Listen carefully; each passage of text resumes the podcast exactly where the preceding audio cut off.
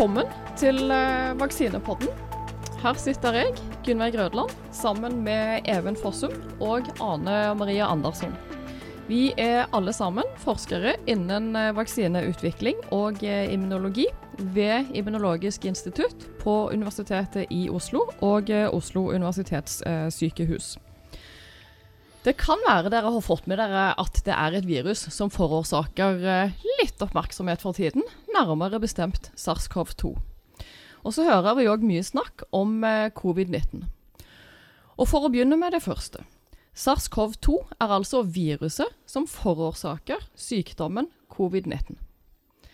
Det første spørsmålet som gjerne dukker opp, er hvordan vet jeg at jeg er syk? Hvilke symptomer eh, finnes det på at du er infisert med SARS-CoV-2?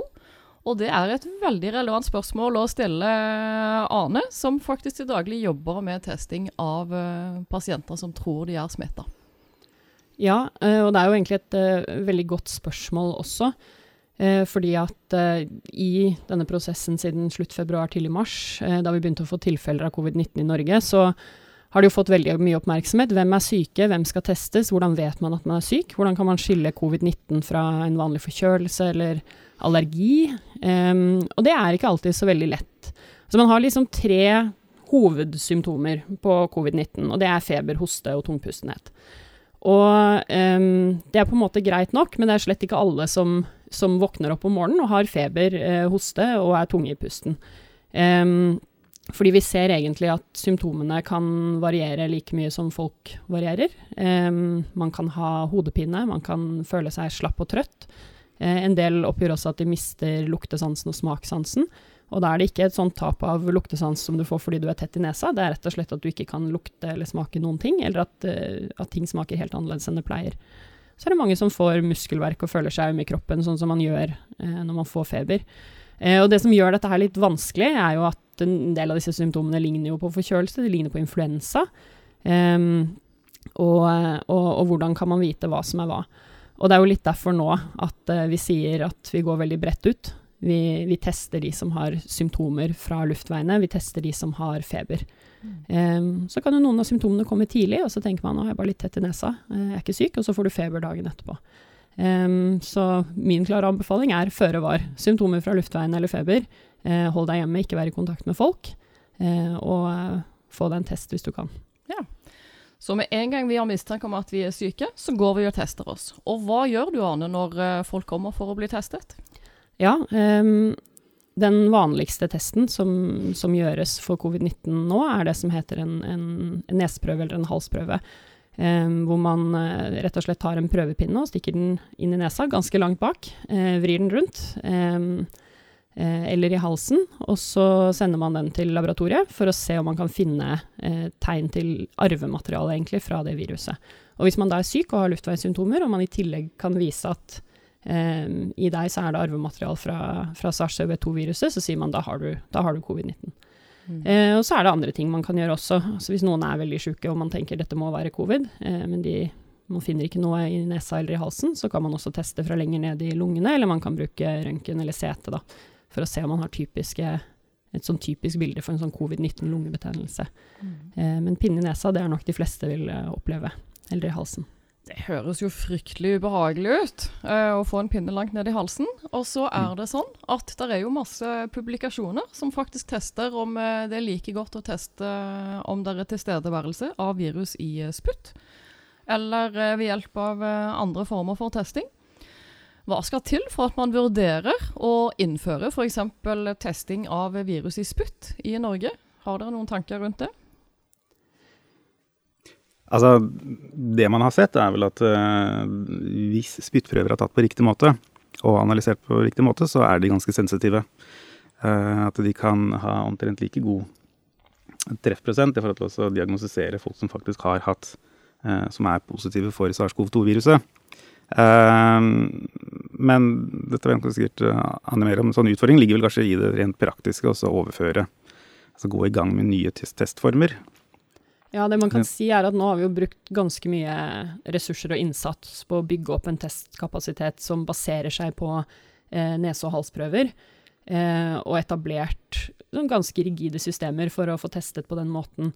Um, og hvis man skal innføre en ny type test, så er det på en måte ikke bare å si det er én artikkel eller to artikler eller tre artikler som sier at denne testen er like bra. Eh, man er også nødt til å, til å, validere den her. Man er nødt til å sammenligne den med det man allerede bruker. Eh, og det må gjøres eh, på en forsvarlig måte for å si ok, den er like bra eller bedre eh, enn det vi har. Det er også en tidkrevende prosess. Og så må man jo legge om sant, de rutinene man har, og da er jo spørsmålet er det, eh, er det verdt det. Hvis man f.eks. kunne gjort spyttprøvetest hvor folk bare kunne ta den hjemme og så sende den inn, eh, så ville jeg jo tenkt at, at, det kanskje var noe man kunne gjøre på sikt. Eh, men så vidt jeg har forstått, så er det ikke der vi er ennå, eh, ennå med spyttprøvene. Men jeg skal absolutt ikke avskrive det som, eh, som noe man kan, kan se i fremtiden. Altså En del av disse spyttprøvene, eller de, de, studiene som er gjort med spyttprøver og deteksjon av eh, SARS-CoV-2-virus i spytt, er vel gjort, gjort under veldig kontrollerte former. Så der har du da eh, ja, forskningsledere som står og passer på at pasienten da gjør dette på rett måte øh, og leverer prøven på rett måte som behandles. Så selvfølgelig det vil være en ganske stor om ja, i hvilken grad man vil oppnå samme sensitiviteten hvis folk skal gjøre dette hjemme å sende inn prøver per post vil nok uh, spørs vel. Mm. Det er altså ikke rett fram å plutselig uh, introdusere nye tester for å se om du har virus, til tross for at det kan høres veldig enkelt ut. Det er mange som uh, testes, og de kriteriene som brukes for å velge ut hvem som testes, har faktisk variert en del siden tidlig i infeksjonen. Hvorfor varierer det sånn? Burde man ikke nå etter hvert klare å finne en fast regel som skal gjelde framover, for hvem som testes og når? Ja, jeg kan skrive under på at det har endret seg mye, jeg som har jobbet med testing siden mars. Eh, og det er egentlig ganske mange forhold som spiller inn på hvem det er som faktisk blir testet for covid-19. Og det første som påvirker eh, testkriteriene, er jo hva man vet, rett og slett. Hva vet vi om dette viruset? I starten visste vi ikke så mye. Eh, og det handler om sånne ting som når burde man egentlig testes? Når i et sykdomsforløp er det mest sannsynlig at man finner viruset, hvis man har det, på det stedet man tester?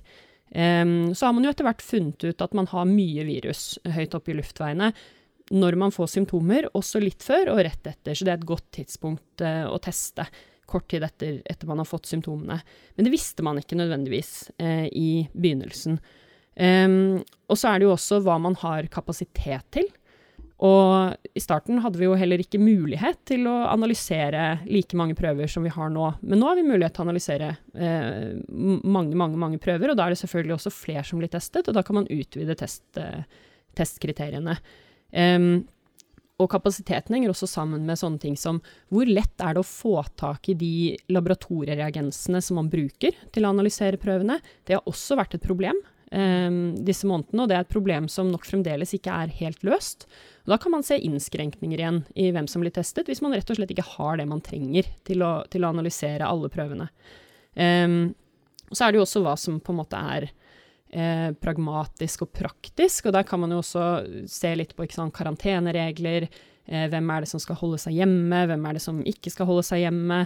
OK, du har noen som eh, er syke, du er i kontakt med dem, du er i karantene. Men de du bor sammen med, er ikke eh, i karantene.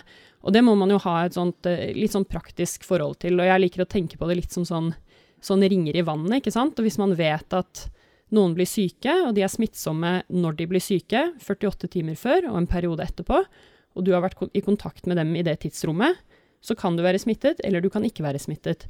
Men du er ikke smittsom før ikke sant, du får symptomer, litt før og litt etter. Og Derfor er du i karantene, men ikke nødvendigvis de du har vært i kontakt med. Og Det er en litt sånn sant, praktisk tilnærming, for du kan ikke sette alle i karantene. Du kan ikke ha en sånn evig serie med ringer utover. Eh, eh, hvor alle bare skal være hjemme. Det, det, går ikke over tid, og dette varer over tid. Ja, De uh, smittesirklene som ringer i vannet, er en uh, veldig god beskrivelse, syns jeg. Uh, og illustrerer litt hva vi står overfor. og så er det sånn at, som du sier, vi bruker både karantene og testing for å hindre at disse smitteringene går for langt. Men det er jo mange måter å forhindre smittespredning på. En av de som har vært eh, relativt omdiskuterte i eh, Mm. senere tid, er eh, bruk av eh, munnbind. Nå er foreløpig regelen den at vi skal forsøke å bruke det når det er så tett med mennesker rundt oss at vi ikke har mulighet til å opprettholde den avstanden eh, som kreves for å redusere smitte.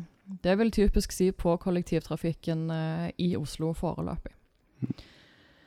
Men eh, det er jo mange meninger om dette. Men hvor effektivt eh, mener dere det er grunn til å tro at dette munnbind eh, er? Altså Det har vært eh, veldig varierende altså, mellom ulike land da, hvor, hvor utbredt uh, bruk av munnbind har vært. og Der noen land har på en måte introdusert det ganske tidlig, så har jo Norge vært forholdsvis restriktive til nå i forhold til det å anbefale munnbind. og Det er jo egentlig kun i senere tid at vi har fått disse anbefalingene om å bruke munnbind på, på kollektivtrafikken. Dette henger jo selvfølgelig også sammen med smittetrykket i samfunnet generelt. At eh, så lenge det er relativt lite smitte i samfunnet, så er det kanskje ikke så stort behov for munnbind for da å beskytte andre. Og, og det er jo det som er poenget med disse munnbindene. De er jo hovedsakelig, og de vil ha en viss effekt når det kommer til å, å beskytte seg selv, men det er jo mer for å kanskje beskytte andre fra asymptomatiske individer, hvis du da har blitt smittet. Du er som Anne snakket om, den der perioden før symptomene slår inn, og du kanskje ikke helt vet at du er smittet. Eh, og da kan det selvfølgelig være eh, beskyttende at man har på seg et munnbind og unngår å spre virus videre til andre. Og så vil vi kanskje kunne, tenker at vi vil kanskje kunne se endringer i tiden som kommer nå. altså Hvis smittetrykket går opp i forhold til hvor det vil være naturlig å bruke munnbind. Altså Foreløpig er det f.eks. kun steder der det er tett med folk. Du snakker om sånn kollektivtrafikken i rushtiden. Men selvfølgelig butikker og sånn vil også kunne over tid, hvis vi får flere smittede i samfunnet, være aktuelt. En av de tingene jeg håper eh, det kommer framover, er eh, bl.a. noen studier som kan fortelle oss mer eh, hvordan eh, munnbind eh, beskytter, og i hvilken grad det gjør det, når brukt i eh, ulike deler av eh, befolkningen. Det er veldig mye vi fortsatt ikke vet. Eh, Men det er en eh, debatt som garantert kommer til å pågå ennå, og hvor det kommer mer eh, kunnskap etter hvert. Ane? Ehm, det er jo først og fremst avstand Mm. som er det viktigste tiltaket. Og det har jo blitt sagt helt, helt, helt fra tidlig, eh, da dette her gikk i gang for alvor, at det er det å holde avstand, det er det å vaske hendene, og det er det å passe på at man hoster i et eh, lommetørkle som man kan kaste, eller i albekroken, og så vasker hendene, som er de viktigste tiltakene for å hindre spredning. Og, og måten det viruset her sprer seg på, er jo at man, ikke sant, du, du puster, du snakker, du hoster, du nyser, og så har du virus i luftveiene, og så kommer det dråper ut av munnen din når du gjør de tingene. Og så kan de dråpene bli pustet inn av noen andre. De kan lande i øyet, f.eks. Eller de kan lande på noe som man så tar på, og så tar seg selv i ansiktet. Det er på en måte det som er eh, smittemåten som man ønsker å beskytte seg mot. Og jo lenger unna du er andre mennesker, jo eh, mindre sannsynlighet er det for at de dråpene treffer deg. Særlig hvis du er utendørs og det er vind. ikke sant? Så det er det aller, aller viktigste. Men det sier seg jo på en måte selv at hvis du har noe foran munnen som fanger opp de dråpene som du eh, på en måte nesten dusjer ut, ikke sant, uansett hva du gjør, også når du snakker, eh, så vil du forhindre noe spredning. Og eh, jeg tenker at det er, viktig å, altså det er viktig å holde fokus på det som er det viktigste. Avstand er det viktigste. Du kan ikke erstatte avstand med munnbind. Men det er jo klart, på sykehuset så bruker jo vi munnbind ikke sant? For å beskytte både personalet og, og pasienter. Hvis det er noen som, hvor det er uavklart, ikke sant? så kan man putte et munnbind på en pasient for å forhindre at de eventuelt eh, smitter noen. Og, og ansatte bruker jo også munnbind eller maske når de er i kontakt med, med pasienter som har covid. Så det er jo klart det beskytter deg også. Det sier vi jo i sykehuset når vi bruker munnbind for å beskytte oss selv. Men sånn ute i samfunnet, tøymunnbind og sånn som det altså, Munnbind er ikke munnbind heller. Eh, eh, det skal ha eh, noen kvaliteter ved seg som, som gjør de tingene eh, som det skal gjøre. Og hvis du har tatt på noe som, som, som har virus på, og så skitner til munnbindet før du tar det på deg, så kan det også potensielt eh, være en risiko. Men jeg liker egentlig litt tanken på sant, dette her med, med munnbind. Hvis du går inn på en buss, og alle sitter ved siden av hverandre og oppfører seg helt som normalt, så glemmer man litt at vi er midt oppi en pandemi. Men hvis du går inn på en buss, og folk har på seg munnbind, og folk holder avstand, så blir du kontinuerlig minnet på at det er noe som, som foregår. Og det derre sosiale signalet tror jeg nesten er like viktig eh, som den faktiske beskyttelsen. Um, hvis du spør meg, da. Mm. Og, og, særlig um, Særlig hvis man sier at vi har ikke mangel heller. Um, det er ikke sånn at, uh, at vi går tom for munnbind fordi folk skal bruke dem rundt omkring overalt. Mm. Det er uh, mange som bruker munnbind i uh, de situasjonene som det nå er anbefalt i. Eh, jeg ser fortsatt folk som går med det på haken, eh, så det er jo veldig fint med nok en gang å oppfordre folk om at når du bruker munnbind, faktisk tar du på riktig. Eh, det er i hvert fall premisset for at det skal ha en mulighet for å beskytte. Vi sier jo at uh, smittedråper de kan uh, bevege seg i luft, og de henger i luft. Og avstand er det som faktisk er viktig for beskyttelse mot uh, korona. Men Hvorfor er avstandsregelen én meter? Er det en de facto barriere, eller er dette litt mer eh, sannsynlighet? Eh, hvordan eh, vil eh, dråpesmitten kunne endre seg med eh, klimatiske forhold, hosting, nys? Har dere noen eh, perspektiver på hvorfor én meter er relevant, og hvordan viruset beveger seg i luft? Ja, dette er det mange som er opptatt av, eh, kan man si. Én meter, six feet. Én til to meter, to meter. Eh, det er jo heller ikke én meter eh, som gjelder overalt her. Og hvis man begynner å, å lese om det med én meter, så kan man fort havne ned i et ganske, et ganske dypt hull um, av forskning som strekker seg kanskje 100 år tilbake i tid, um, eller mer. Og man kan fort komme til konklusjonen at én meter, det kan hende det er eh, litt for enkelt eh, til å fremstille virkeligheten sånn som den er. Det vi eh, ser, er i hvert fall at eh, hvis du har én meter, så får du en eh, lavere dose enn om du var nærmere. Så her vil jo dosen redusere jo lenger unna du er. Det er snakk om sannsynlighet.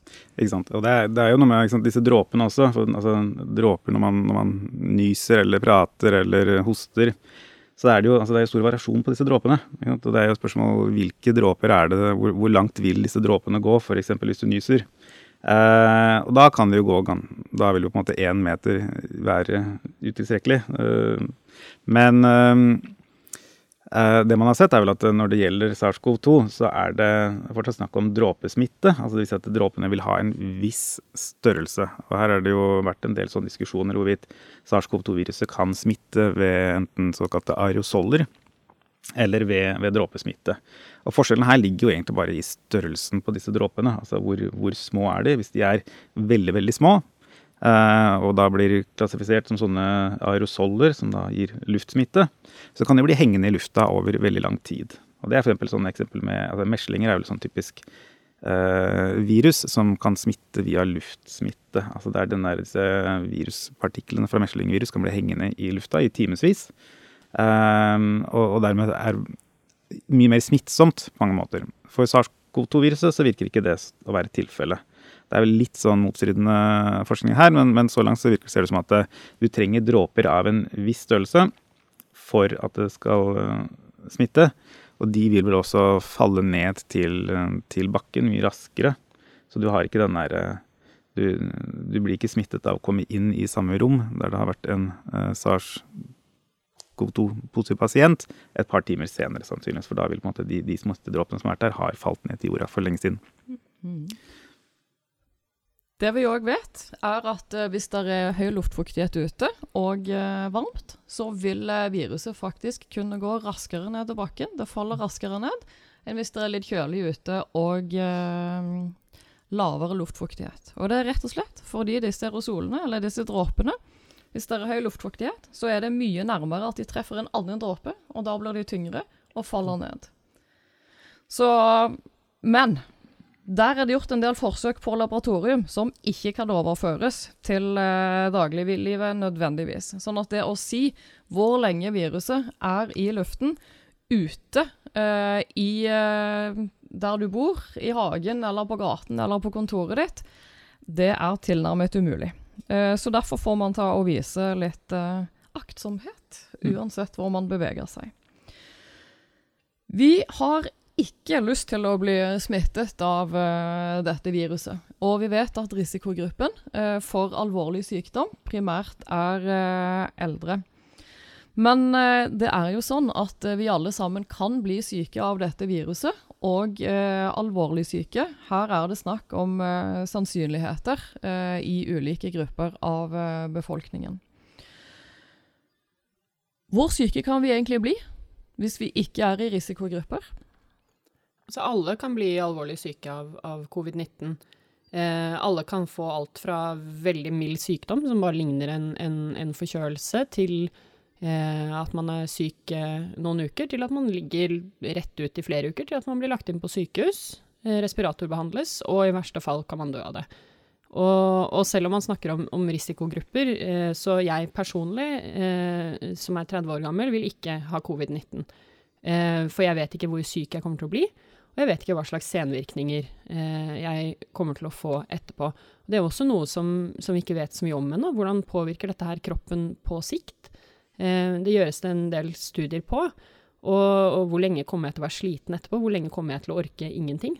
Potensielt mange uker. Um, så jeg vil absolutt anbefale også alle unge mennesker å prøve å unngå å bli smittet, fordi du kan altså ikke vite hvor dårlig du kommer til å bli. Eh, og du kan ikke vite hvor dårlig de rundt deg kommer til å bli. Så det er eh, sånn at vi har ikke lyst til å ha SARS-CoV-2-infeksjon. Det er mye vi ennå ikke vet om eh, dette viruset.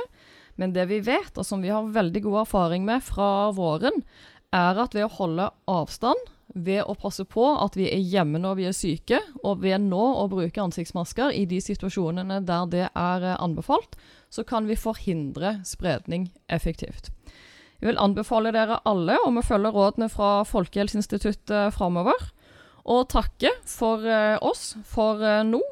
Til slutt, tusen hjertelig takk til eh, Morten Skoglund, som har vært ansvarlig for teknisk produksjon. Han holder til ved seksjon for medisinsk informatikk ved Det medisinske fakultetet på Universitetet i Oslo.